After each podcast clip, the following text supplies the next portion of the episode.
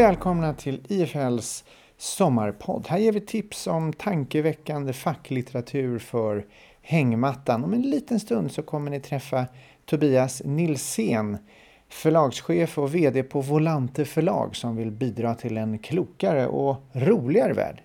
Hur gör han det? Det vill jag veta. Välkommen Tobias! Tack, tack! Kul att vara här. Du, jag tänkte börja med en enkel fråga. Vad är de stora ödesfrågorna för vår tid? En eh, inte så svår fråga idag skulle jag säga, för jag tycker att det finns rätt tydliga tecken på vilka de stora frågorna är. Och det är just de stora frågorna. Om världen i stort, hur den hänger ihop, i vilken riktning generellt vi ska gå framåt. Vi märker av det till exempel när det gäller hur ansamlas kapital, eh, om ojämlikhet och så vidare. Och då vet de som är pålästa vad kanske jag kommer nämna snart. Tänk också på universum, vår jord, hållbarhet och allt det där. Det går inte att komma ifrån även om vi har talat om det ett tag. Det är viktigt och många tycker att det är viktigt att fortsätta tala om det förstås.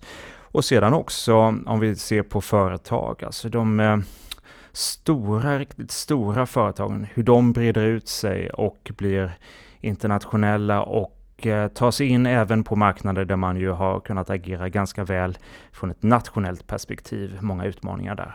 Det finns ju en eh, samhällskritisk eh, del i de här frågorna. Var, var står du? Det är egentligen inte min samhällskritik utan vad man gör som förläggare och som förlag så försöker man ju se vad ligger i tiden, vad kommer man vilja läsa, tala om och förstås, vad tycker vi är viktigt också att lyfta fram? Men vi är egentligen inte de som främst tar ställning direkt, utan vi lägger fram saker och ting på bordet, så får det fäktas där. Det är klart att i det så ligger också någon typ av kanske ställningstagande av vad vi tycker ska få plats på detta bord. Men i volantetanken så ligger det ju att vi vill bidra till en klokare, roligare värld. Eh, och på så sätt klokare genom att egentligen servera kunskap på ett väldigt aptitligt tillgängligt sätt. Men så att det, ska bli lite bättre diskussioner helt enkelt. En av de här böckerna du kommer presentera är ju Kapitalet, det vet jag redan från början.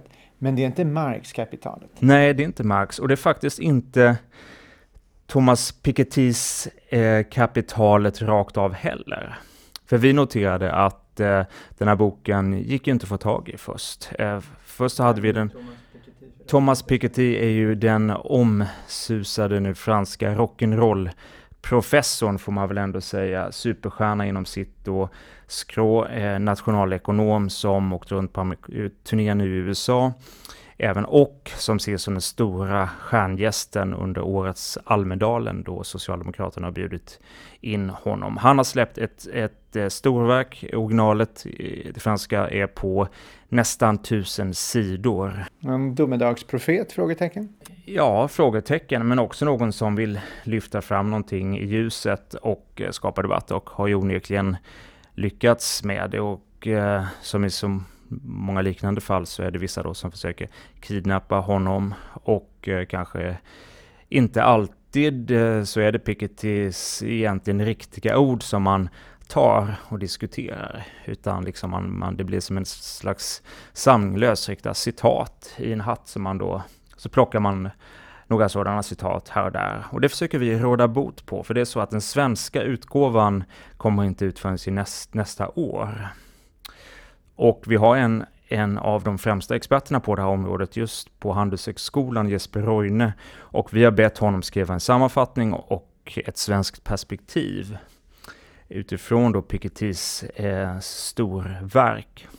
Så att man redan nu i sommar, med start i sommar, inför Almedalen, efter Almedalen, också kan läsa och förstå det här. Så att det inte bara blir de här ledarkommentarerna som man bygger sin argumentation på. Kan du köra en liten kort sammanfattning nu om vad det handlar om? Det handlar om på något sätt, skapar vi därmed sprickor i samhället som leder till eh, att samhällen krackelerar för att orättvisorna blir för stora, att eh, man inte ser heller att det finns tillräckligt mycket incitament för att faktiskt att eh, eh jobba och ta sig framåt på så sätt. Men det ska sägas, det är inte jag som är experten här, utan det är ju just Jesper Roine som faktiskt har bidragit till också till eh, den här datan eh, som ju ska få egentligen få vara expert i det här fallet. Och det här gäller både mellan länder och i länder? Det är ett globalt perspektiv han tar. Eller någonstans, så diskussionen har ju kommit att omfatta ett globalt perspektiv, men det är klart att vissa länder så finns det ju bättre underbyggd data än i andra.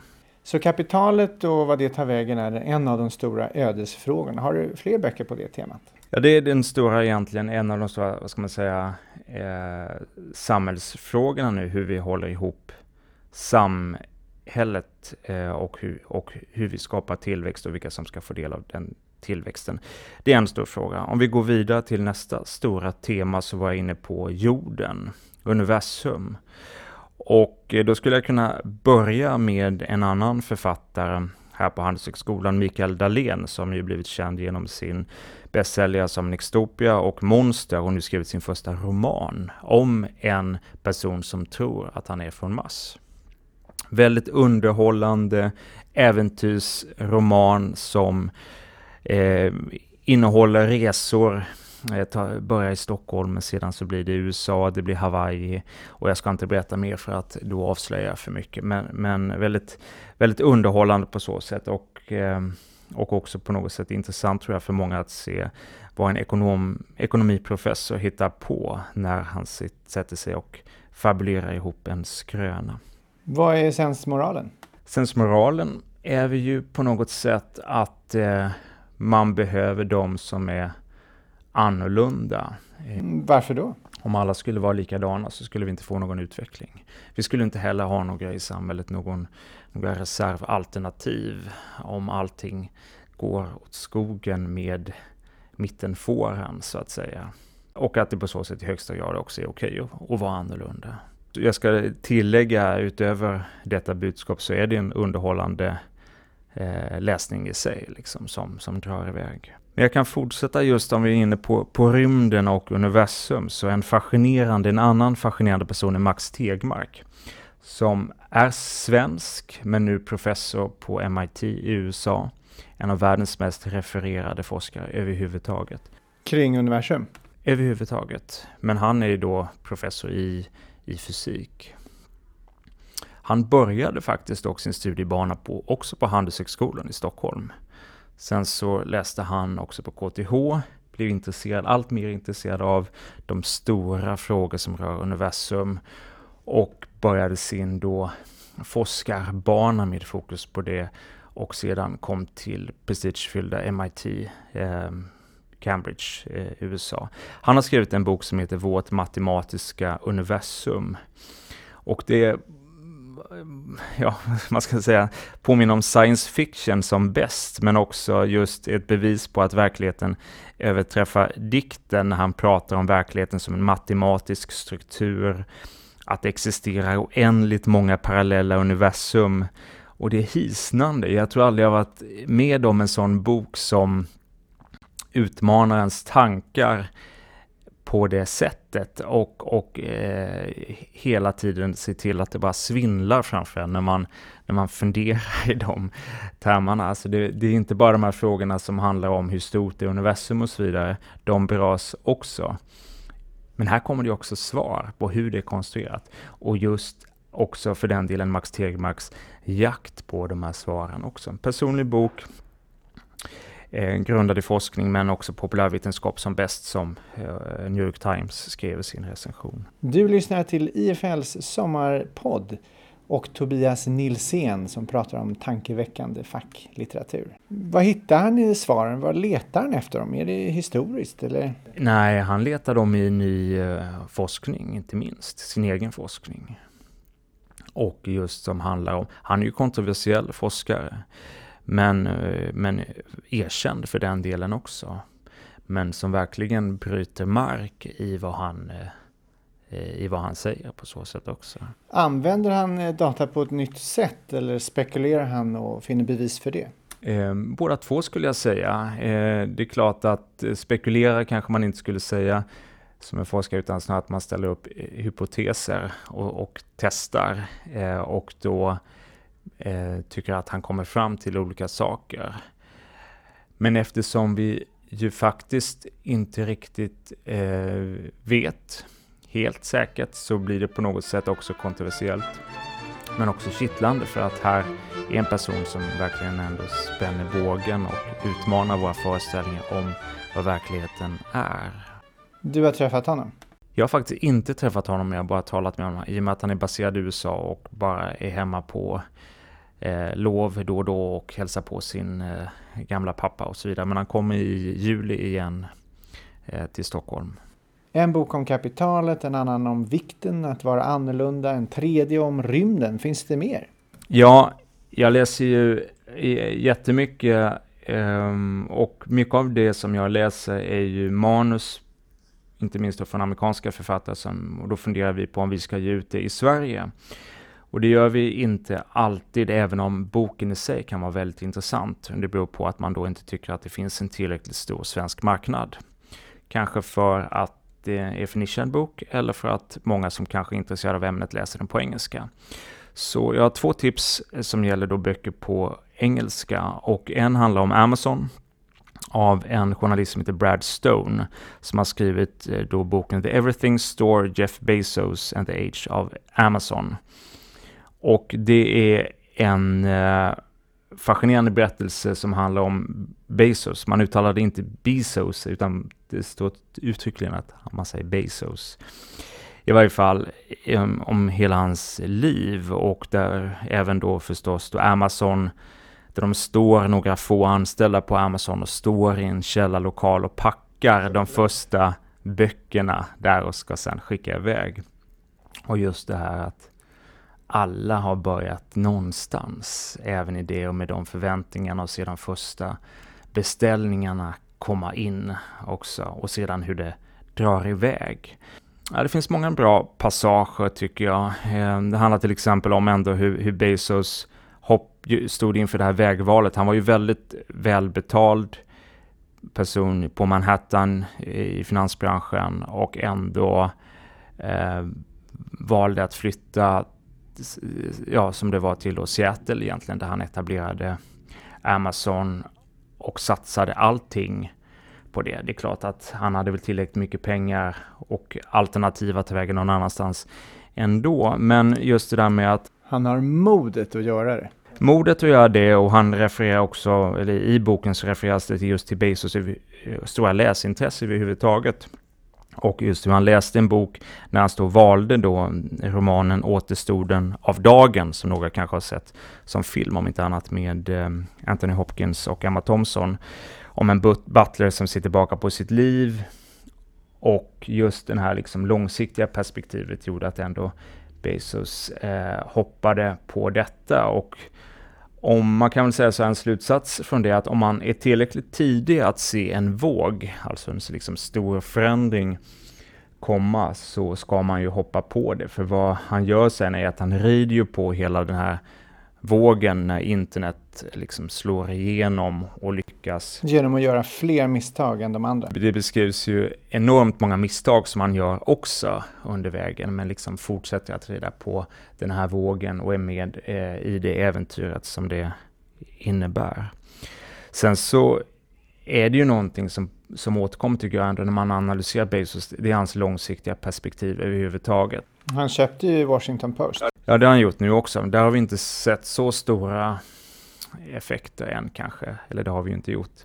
Men överhuvudtaget andra, till exempel han satsade på Kindle-plattan, alltså den här läsplattan. Och eh, överhuvudtaget saker som, som ju inte ger frukt förrän långt senare, men där då vissa har blivit tillräckligt framgångsrika för att verkligen bli oerhört framgångsrika. Och såklart, han har shoppat också en rad internetbolag som visat sig helt värdelösa också efter ett tag, det ska man ju komma ihåg. Bra bok för alla som är intresserade av egentligen modern företagshistoria och e-handel.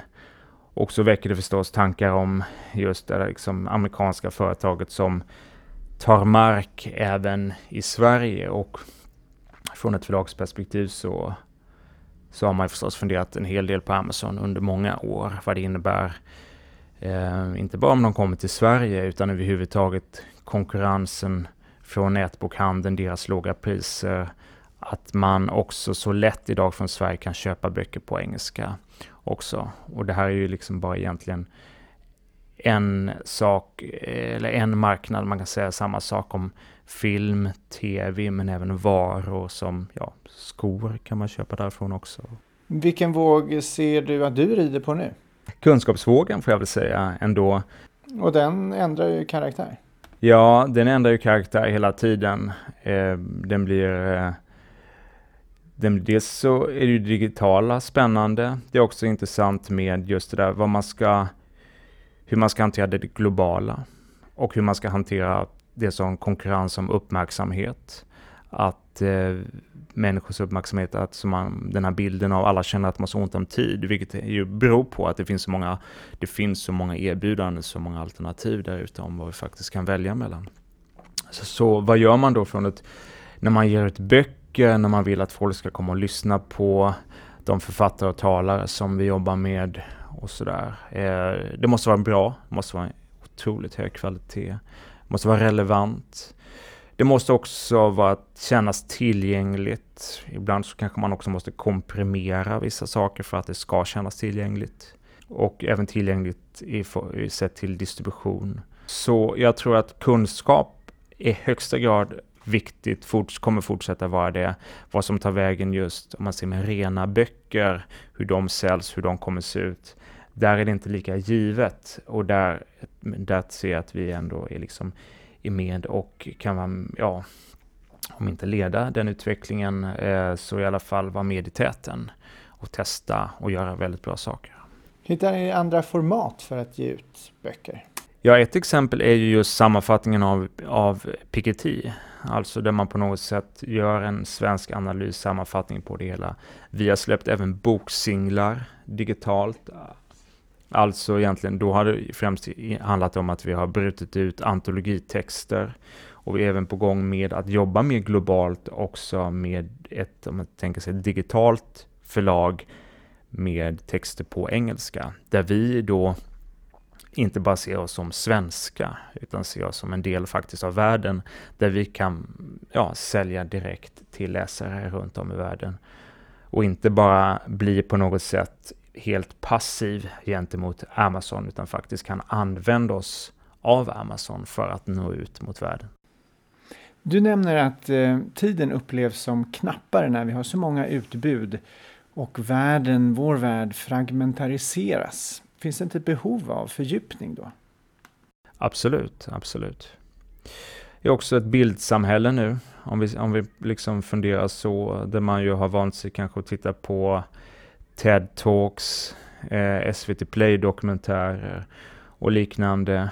Eh, är det så enbart som vi kommer liksom eh, ta in kunskap genom att lyssna på föreläsningar, föredrag? Tror att det behöver kompletteras ändå. Jag, jag, jag, kan verkligen se poängen och vi jobbar ju själv med det delvis, men jag tror att just att sätta sig ner och läsa och, och innebär en djupare analys och för den som verkligen vill komma framåt tankemässigt så tror jag att man måste gå längre än ett TED-talk helt enkelt. Du lyssnar till IFLs sommarpodd och Tobias Nilsén som pratar om tankeväckande facklitteratur.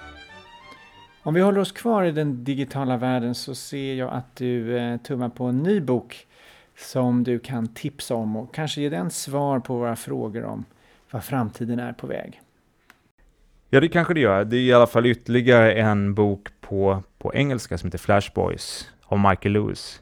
Och Michael Lewis är, om någon som lyssnar jobbar i finansbranschen så känner man säkert till Michael Lewis som slog igenom en bok som heter Liars Poker om, eh, där han skrev om sin tid på Solomon Brothers på Wall Street. Han är i alla fall en av USAs och kanske världens bästa fackboksförfattare nu just för att skriva underhållande om olika ämnen. Han har skrivit om idrott, om finansbranschen um, och flera av hans böcker har filmatiserats också. Och han kom i mars med en bok som handlar just om högfrekvenshandel och då kanske vissa så här börjar somna på en gång när man har talat om så high frequency trading och så vidare. Men den är otroligt underhållande bok om man har det minsta intresse av ekonomi och världen, men inte bara därför. Den är upplagd som en spänningsroman egentligen. Man följer ett gäng personer som försöker förstå sig på de här förändrade villkoren på Manhattan och det blir liksom någon typ av David och Goliat eh, kamp här och det är väldigt så här, långt bort också. Det blir en inblick i, i hur finansbranschen nu verkligen fungerar på ett helt annat sätt än vad, vad, vad man ju lärde sig i lektionssalarna för bara ja, 15-20 år sedan. Och den stora skillnaden är att servrar handlar med varandra? Ja, och att det är liksom programmerare som eh, ryska programmerare, nästan om man säger så, som, som på något sätt eh, leder den eh, utvecklingen liksom och, och, och eh, drar hem mycket, mycket pengar och styr handeln. Och där gör Lewis en väldigt snygg distinktion på också just att det är en skillnad på att bidra till likviditet på marknaderna eller aktivitet. Om det senare då bara handlar om att man reagerar och faktiskt inte eh, medför någonting som blir konstruktivt eh, när det gäller liksom eh, då handeln helt enkelt. Finns det kopplingar mellan den boken och den första boken du nämnde om kapitalet? Vem ska tjäna pengar och varför? Alltså hur skapar man någonstans en incitamentstruktur som blir rättvis? Inte just rättvis bara för att det ska vara rättvist i världen, utan faktiskt rättvist så att det blir fruktbart och leder samhället på bästa sätt framåt. Eh, för ingen vill ju leva i en värld där det bara går bra för en själv och väldigt dåligt för eh, alla andra, utan det måste ju finnas, det, världen måste ju hänga, hänga ihop på något sätt. Så jag tror att eh, det, är, det är väldigt olika vinklar på det hela, men eh, ja, absolut på så sätt. Och jag menar det här David och Goliat, temat är ju spännande. Vi gav ju ut, eh, det var inget boktips nu, men jag kan ändå nämna det, Malcolm Gladwell som ju eh, ihop med Michael Lewis då, de också bland de bästa facklitterära författarna som skrev just David och Goliat. Han beskriver ju visserligen hur utmanarna, utmanarna faktiskt ofta lyckas, eller att det är de som verkligen leder det framåt. Men om det inte finns incitament, om det inte finns något tillträde till utmanare och liknande, då avstannar ju mycket. Vad tycker du kännetecknar en bra fackboksförfattare? Vad är det som gör att man inte kan sluta läsa? Bra fråga. Två kategorier skulle jag säga. Den ena är att det handlar om eh, underhållande, att det är en väldigt bra medryckande historia. Att det finns någonting som driver framåt, att det finns ett påstående som man är intresserad av. Bra förståeliga eh, exempel och eh, relevant, men just den är underhållande. Och den andra kategorin handlar om att den är viktig, att man på något sätt läser för att det känns relevant på så sätt att man känner att fan det här, det här gör mig klokare, det här behöver jag veta, det här behöver jag förstå mig på, det här vill jag förstå mig på.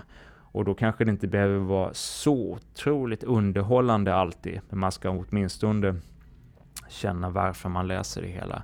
Bäst blir det förstås om det blir en kombination av att det både känns extremt relevant, viktigt och också underhållande. Och när det lyckas, då är det ju fantastiskt. Och det är då man skapar liksom de stora, stora bästsäljarna.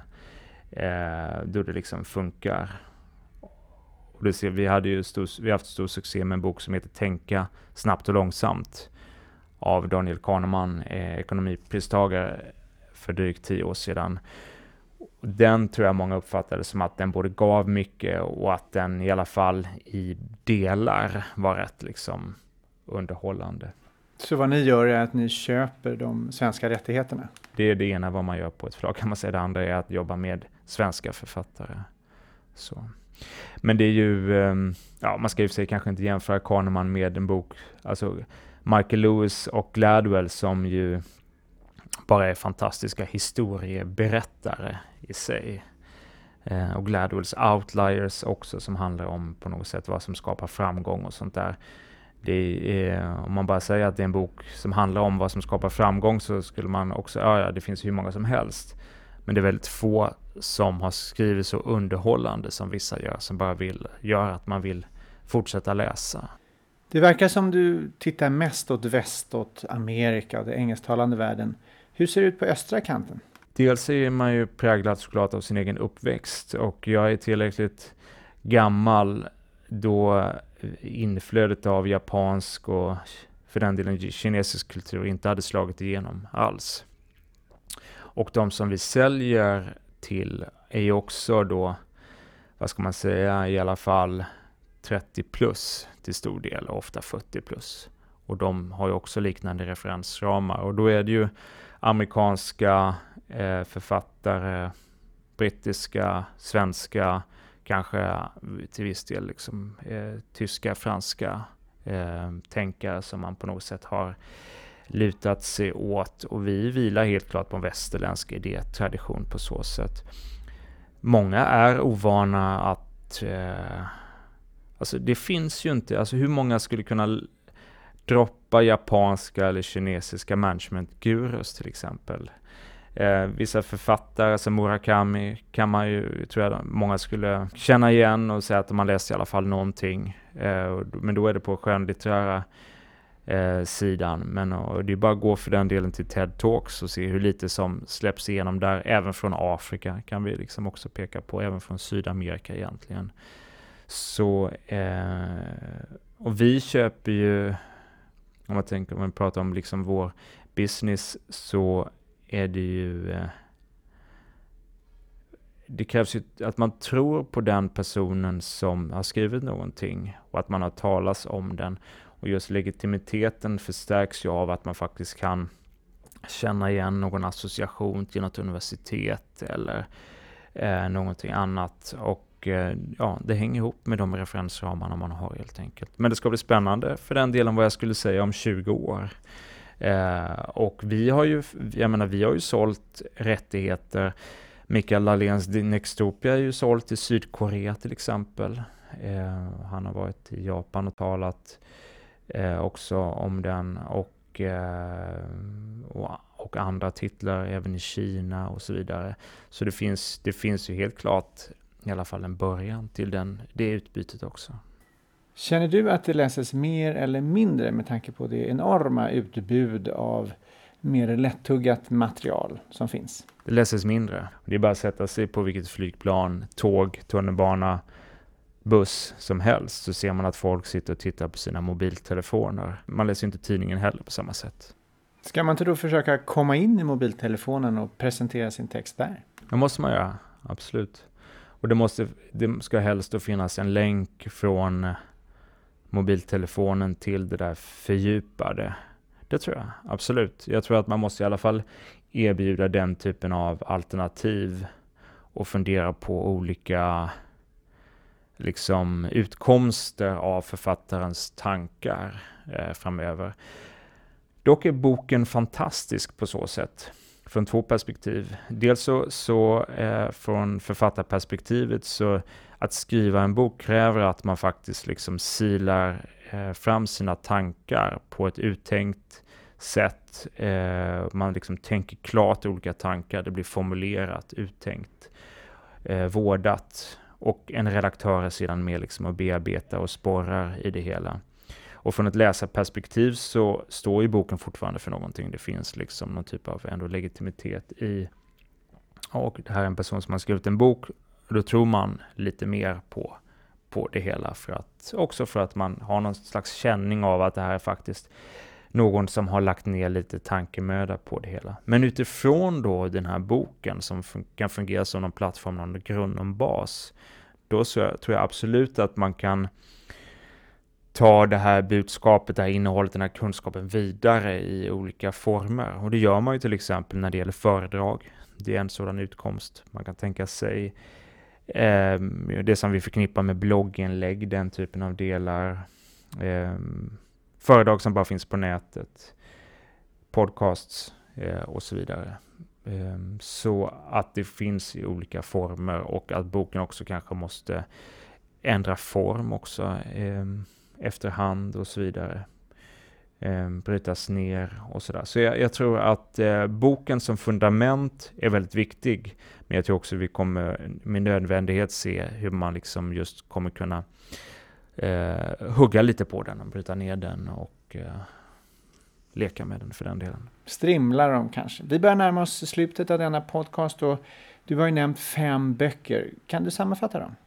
Vi pratade om de stora, egentligen, vad ska man säga, samhällsekonomiska frågorna och eh, nu aktuell bok då Piketty, eh, Kapitalet som Jesper Roine sammanfattar, kommer i slutet av juni och på rättvisetemat, fast i formen då av en egentligen spänningsroman, även om det är verklighetsbaserat, så nämnde jag Michael Lewis Flashboys.